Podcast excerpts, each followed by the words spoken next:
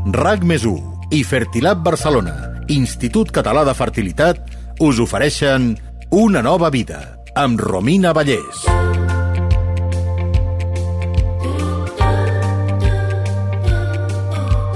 Quins dies del cicle d'ovulació sóc més fèrtil? Quines probabilitats de quedar-me embarassada tinc practicant la marxa enrere? Pot una malaltia de transmissió sexual provocar-me infertilitat? Hi ha alguna manera de facilitar el quedar-me embarassada de forma natural? En quins casos he de demanar ajuda a un professional per aconseguir-ho?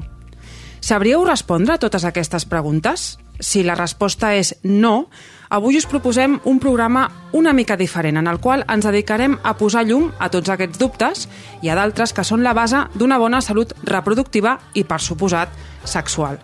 Què vol dir tenir una bona salut sexual i reproductiva? Doncs, d'una banda, vol dir gaudir d'una vida sexual satisfactòria, per la qual cosa necessitem tenir accés a una informació correcta sobre la concepció o les malalties de transmissió sexual. D'altra banda, aquesta bona salut implica que quan es vulguin tenir fills, aquest desig es faci realitat, que la dona pugui rebre atenció de professionals i disposar de serveis que l'ajudin a tenir un bon embaràs, un part sense risc i una criatura sana. Avui en parlarem de tot plegat a Una nova vida, el podcast de rac sobre la meravellosa i moltes vegades no exempta de dificultats aventura de tenir fills gràcies a la ciència. Benvingudes i benvinguts a un nou capítol. Us parla Romina Vallès, els comandaments d'aquest podcast, amb Salva Coromina fent el disseny de so. Comencem. Avui comptem a l'estudi amb la doctora Federica Mofa. Ella és directora mèdica i ginecòloga especialista en fertilitat i reproducció assistida de Fertilab Barcelona. Benvinguda, doctora. Gràcies. Què tal? Bien, gràcies. Comencem parlant de la salut sexual. Encara a dia d'avui tenim alguns dubtes que són els dubtes clàssics que intentarem resoldre avui aquí. Si li sembla, farem unes preguntes freqüents, unes facs, i les anem responent. Vale, vale. Primer de tot, Pregunta de primer de salut sexual. Expliqui'ns això del cicle d'ovulació què és, com funciona, quins són els dies més i menys fèrtils. Sembla mentida, però a dia d'avui encara hi ha moltes dones que no ho tenen gaire clar i homes, per suposat. Sí, es una, una pregunta clásica, ¿no? Eh, en la consulta, pero que un poco de base debe tener todo el mundo.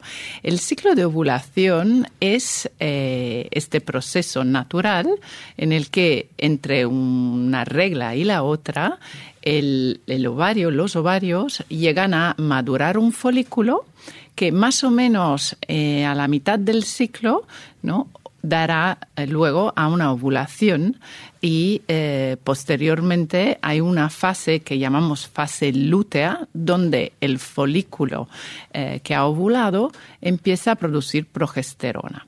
Entonces, mm, en la primera fase los ovarios producen estrógenos y en el momento de la ovulación posteriormente empiezan a producir también la progesterona. Y esto explica mmm, por qué hablamos de dos fases en el ciclo, uh -huh. la fase folicular, que es la primera, luego el momento de la ovulación y luego la fase lútea, donde se produce progesterona. Cuando es eh, cuando la ovulación es, mmm, se dice más o menos en la mitad de un ciclo, pero poniendo en, en, evidencia que el ciclo sea regular de 28 días, ¿vale? Uh -huh. um, lo que sabemos es que la fase lútea, o sea, la fase posterior, siempre es de 14 días. Entonces, en un ciclo de 28, 28 menos 14, la ovulación es al día uh -huh. 14, más o menos en la mitad. Pero en, si el ciclo es más largo o el ciclo es más corto, la ovulación podría mm, aparecer como más pronto o más tarde. Entonces, mm, en ciclos regulares, alrededor entre el día 12 y 14, más o menos. Uh -huh. Relacionada amb aquesta pregunta, sobre la marxa enrere. ja, ja riu la doctora. Quines probabilitats tinc de quedar-me embarassada amb la marxa enrere? Dependrà també del cicle, del meu cicle, no? de si sóc regular, no regular, però ¿Qué mes? Utilizar la marcha enrera como método de contracepción no es una buena idea, porque eh, aunque la eyaculación completa no ocurra en el interior, en, el, en, vagina, eh, hay posibilidad de quedarse embarazado, sobre todo si esto es durante el periodo más fértil. Entonces, yo no aconsejo. Es difícil dar un porcentaje de probabilidad de embarazo, mm. pero os puedo decir que como el porcentaje de no embarazo no és lo de los otros métodos de contracepció. Ja. No és una bona idea. I ara anem amb, una, a un altre gran clàssic que també suposo que mm, li farà riure, que és els dies que tinc la regla, atenció, hi ha risc de quedar-me embarassada o no? Sí. Sí.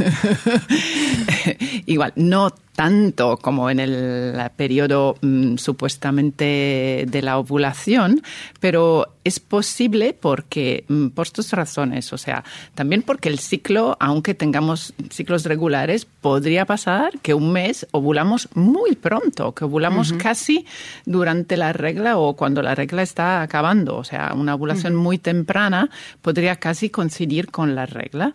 Y también porque los espermatozoides viven tres días una vez que han estado eyaculados en el, mm, en el aparato genital femenino. Entonces, si sumamos estas dos variables, es posible que una relación sexual mm, durante la regla pueda dar lugar a un embarazo. Que la regla faci mal és normal o hem de pensar que tenim endometriosi? Ara expliquem què és l'endometriosi. Uh -huh. Vale. Eh, la endometriosis es una enfermedad eh, ginecológica eh, donde hay eh, masas o implantes de tejido endometrial donde no toca. Normalmente eh, podemos encontrar endometriomas, por ejemplo, son quistes ováricos eh, de, endometriosis, o también la endometriosis puede localizarse en el peritoneo, o sea, en el interior del abdomen, o también en unos ligamentos, eh, como un ligamento útero mm, ovárico, útero sacral, y ahí puede doler. ¿Vale? Eh, no siempre duele la endometriosis, pero hay mucha paciente que tiene endometriosis, dependiendo del estadio, puede tener más o menos dolor. Eh, hacer el paralelismo automático entre dolor de la regla y endometriosis no es posible. ¿eh? Hay pacientes que tienen regla dolorosa y no tienen endometriosis y pacientes con endometriosis que no tienen la regla dolorosa. Pero tener una regla dolorosa no es normal. No es normal. Entonces hay que acudir al ginecólogo. Mm, no es suficiente aguantar. Parlem ara del el papiloma. El papiloma es pot contagiar utilitzant preservatiu? Uh -huh. I després, són dues preguntes. Si sóc adulta, val la pena que em vacuni contra el papiloma? Vale, el papilomavirus es un virus que se transmite por vía sexual muy prevalente, que significa que mm, en la población general se calcula que mm, una de cada tres adultos activos eh, mm, puedan haber encontrado o contraído el virus. Una cada tres es mole. Sí, sí, pero es eh, y, no da síntomas, ¿vale?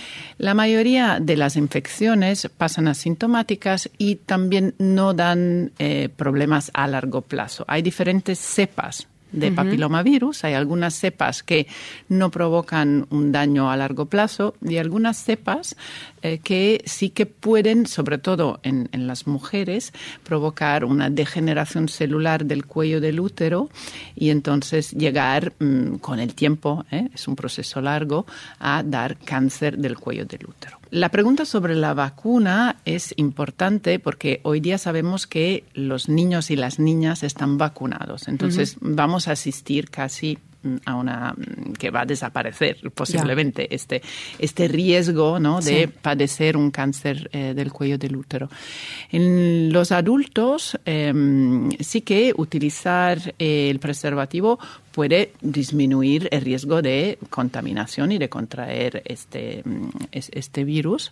Eh, la vacuna normalmente, una vez que somos adultos, se aconseja si mm, se detecta una de estas cepas que son potencialmente cancerígenas. Doctora, les infeccions d'orina tenen a veure amb una mala higiene dels genitals després de les relacions sexuals o no hi té res a veure? És a dir, jo encara que em renti molt, puc agafar una infecció d'orina igualment? Sí, en el sentido que no tiene una relación directa con lo que podemos hacer después de la relación sexual. Eh, es buena costumbre, mmm, más que rentarse, uh -huh. eh, de vaciar la vejiga. Porque eh, la anatomía femenina es hecha de una forma que la uretra es muy cortita.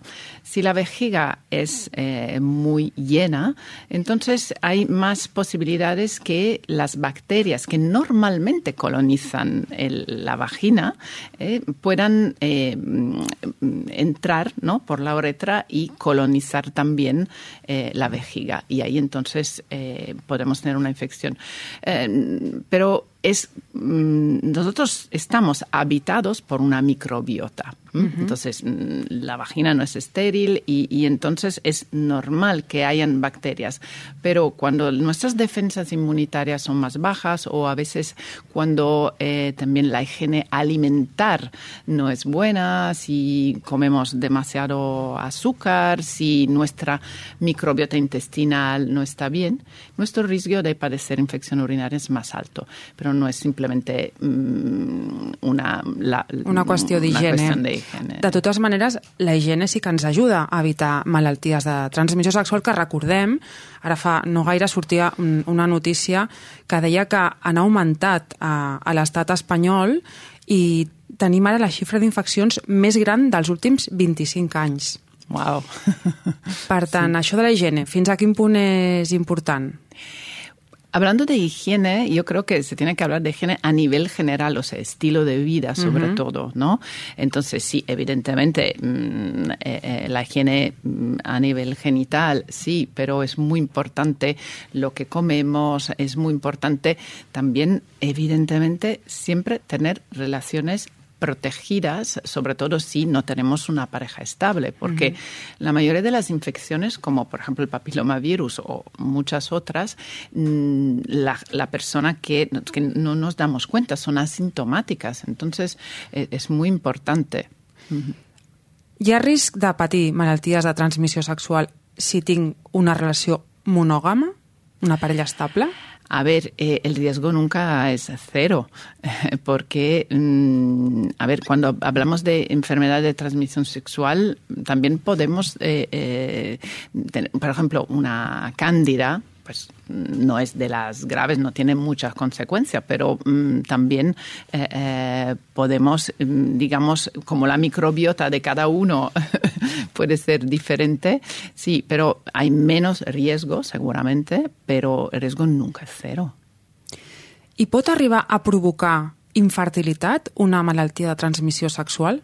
Esto, la respuesta es seguramente sí.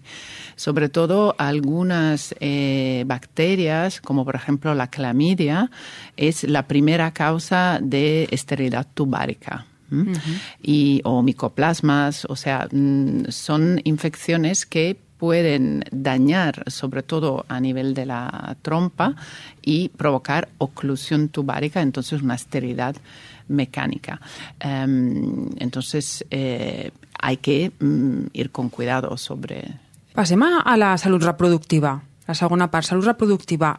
En primer lloc, ens ha parlat de la higiene, ja hem parlat de la higiene i els bons hàbits de vida en la salut sexual. De cara a la reproductiva, hi ha una sèrie de comportaments que poden ajudar a millorar aquesta salut, esport, alimentació, descans, Sí, seguramente eh, la salud reproductiva mm, pasa por el potencial de nuestros eh, órganos reproductivos, como por ejemplo los ovarios, los testículos, y eh, hábitos como el tabaco, por ejemplo, es eh, muy dañino sobre eh, los ovocitos, sobre los espermatozoides. Eh, esto, el hecho de no tener relaciones protegidas durante nuestra vida más joven o cuando tenemos varias parejas y entonces esto puede provocar el hecho de tener infecciones que dañan la, el potencial reproductivo. El peso también. Mm. Eh, la alimentación, como decía, eh, una alimentación con demasiado hipercalórica o con demasiados hidratos de carbono puede alterar también el equilibrio y el funcionamiento hormonal. L'estrès pot potenciar la infertilitat també.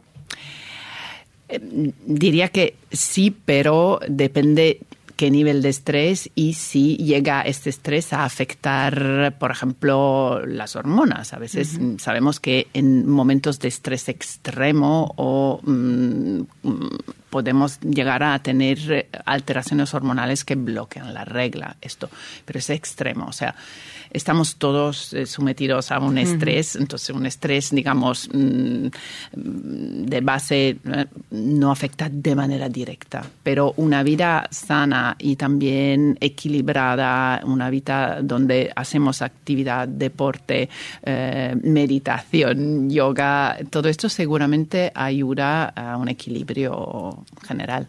Posem per cas que jo em vull quedar embarassada. És cert que l'àcid fòlic ajuda? Quan una dona es queda embarassada, el doctor li recepta les pastilles d'àcid fòlic, però abans de quedar-te embarassada, ¿això et pot ayudar de alguna manera o no serveix per res?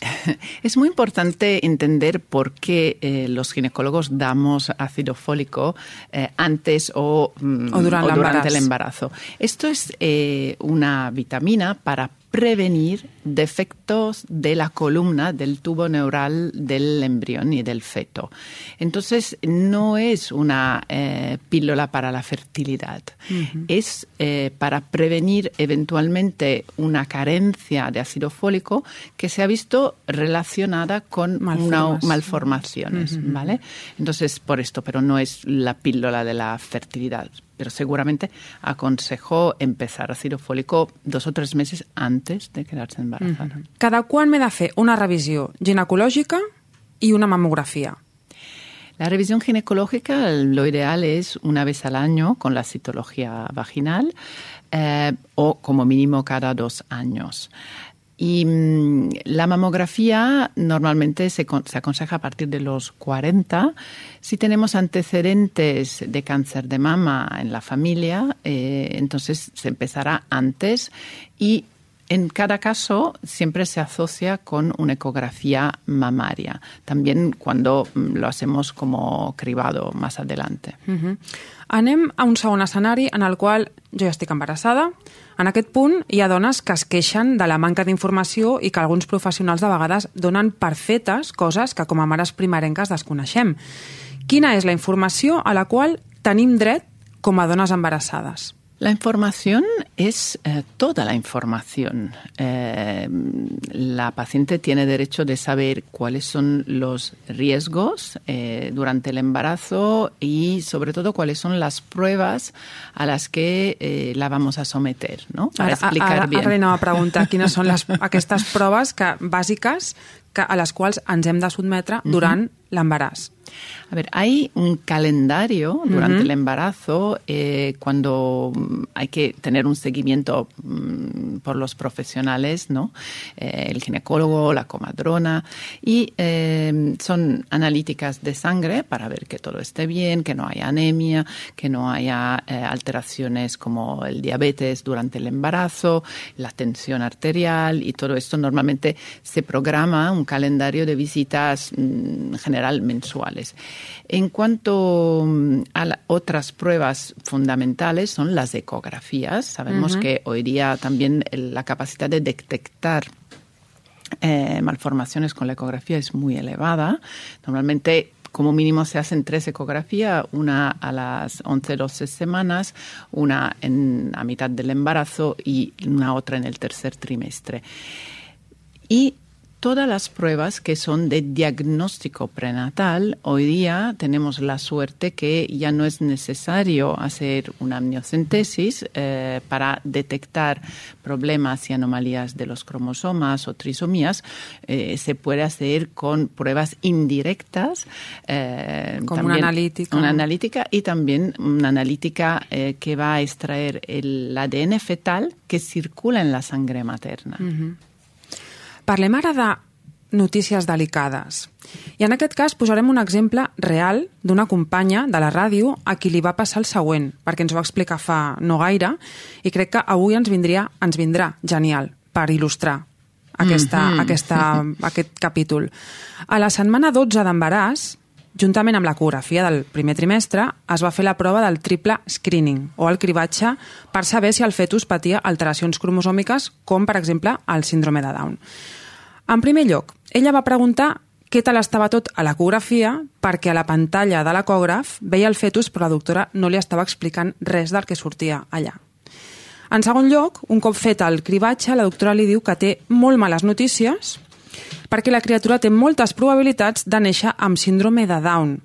El resultat, ara ho explicarem, com és aquest cribatge, eh, li va donar alt 130 de 270.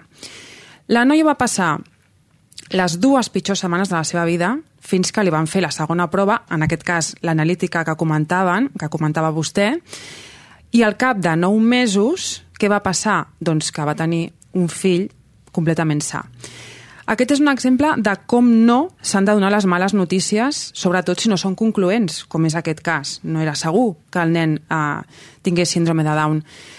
Com li hauria d'haver explicat el resultat aquella professional, no direm al centre, però aquella professional com li hauria d'haver explicat aquest resultat? En aquest cas era eh, doncs 130 partit per 270. 70, sí. A ver, siempre yo creo que como primero hay que explicar a la paciente cuál es el significado de la prueba. Esta prueba es una prueba de cribado lo dice la palabra misma. O sea, eh, analizando mm, valores hormonales en la sangre más el resultado de la translucencia nucal, que es eh, la medida de la, eh, de la nuca del feto, se hace un cálculo estadístico de riesgo. Entonces, y esto se pone junto con la edad de, la, mujer. Entonces, Mm, cuanto más años a la paciente, yo no sé la compañera cuántos años tenía. 39 años. Bueno, 39. Entonces, ya por sí, el sistema calcula que su riesgo es más, alto, es más alto dispara. porque tiene 39. Entonces, mm, simplemente estadísticamente tienes más riesgo. Entonces, cuando el sistema pone junto todo, da un número que es un riesgo pero se tiene que confirmar. Entonces, eh, ¿cómo comunicar esto? Hay que comunicarlo tal como suena. O sea, la prueba ha salido con un riesgo más elevado de la normal, pero lo tenemos que confirmar con un test directo de ADN. Seguramente estas pruebas de cribado se hacen aposta para que salten alarmas y muchas veces hay más alarmas que saltan cuando en realidad la mayoría de las veces todo está bien. Uh -huh. La dona ha de poder escollir si vol donar llum via, per via vaginal o sotmetre's a una cesàrea? Yo diría que mm, no, en el sentido que es una indicación médica. La cesárea mm, no es simplemente una de las maneras de parir. Sí, lo es, pero ¿por qué hay una indicación? O sea, mm, el parto vaginal no deja de ser eh, la manera natural y mejor para la madre y para el feto. Evidentemente, si hay un motivo médico por el que el parto vaginal tiene un riesgo elevado, entonces el médico aconsejará a la paciente de eh, parir por, por cesárea, però no puede ser una elecció. Per últim, anem acabant. Quina informació ens han de donar si no aconseguim quedar-nos embarassades? Quines opcions ens han de donar? Como primero hay que ver eh, cuánto tiempo ¿no? Eh, eh, estamos buscando el embarazo. actualmente, mm, sobre todo si hemos pasado los 35 años las mujeres, si llevamos más de un año intentando quedar embarazada, es correcto acudir al ginecólogo para empezar a hacer algunas pruebas básicas. I ara rescatem tres preguntes que ja van formular-nos al podcast sobre edat i fertilitat, però que tenen moltíssima cabuda en aquest capítol d'avui. En primer lloc, a partir de quina edat cau la fertilitat i si és cert que a partir dels 35 cau en picat. Uh -huh. Sí, eh, el, el, pico de fertilidad eh, de las mujeres es entre 20 y 30, el pico de fertilidad. Eh, pero realmente observamos una menor calidad ovocitaria, entonces un mayor riesgo de, de, esterilidad a partir de los 35 poco a poco y a partir de los 39-40 és quan cae en picada. És bona idea congelar-se els òvuls abans que sigui massa tard, aquest massa tard que dèiem d'aquesta edat? Sí, lo ideal para vitrificar óvulos es justamente antes de los 35. Eh, luego, evidentemente, hay muchas mujeres que acuden a nuestro centro para vitrificar eh, más tarde. Normalmente, después de los 39-40, lo desaconsejamos porque es todo un esfuerzo y tendríamos que congelar mm, un número altísimo de óvulos ¿no? para tener buenos resultados y el, mm, efectivamente después de los 40 no tiene mucho sentido vitrificar. Quin percentatge d'èxit, suposo que dependrà de la tècnica, però en general, no sé si podem donar una xifra, tenen les tècniques de reproducció assistida? Por suerte, y lo puedo decir después de trabajar casi 25 años eh, en fertilidad, eh, han subido mucho gracias por esto a las, a las técnicas y a las herramientas que tenemos en laboratorio y a la medicación. Eh, podemos decir así muy globalmente un 50% por tratamiento, pero depende muchísimo de la edad. Digamos que si escogemos como ejemplo la donación de óvulos, donde sabemos que ahí hay el máximo de calidad de, los óvulos, eh, llegamos también a un porcentaje más alto. Y también las probabilidades hay siempre que eh, mirarla pensando probabilitat de niño nacido, eh? no solament de quedar-se embarazado. Clar. Mm -hmm. Déu-n'hi-do, el tutorial que hem fet avui aquí de salut eh, sexual i reproductiva, doctora. No tenim més temps per avui. Moltes gràcies per venir. A vosaltres. La doctora Federica Mufa, directora mèdica, ginecòloga, especialista en fertilitat i reproducció assistida de Fertilat Barcelona i amb vosaltres, estimada audiència, ens tornem a trobar d'aquí a dues setmanes al proper capítol d'Una nova vida o també podeu recuperar els capítols a l'aplicació de rac i a rac Gràcies a tothom per acompanyar-nos i fins a la propera. RAC més i Fertilab Barcelona, Institut Català de Fertilitat, us han ofert una nova vida amb Romina Vallès.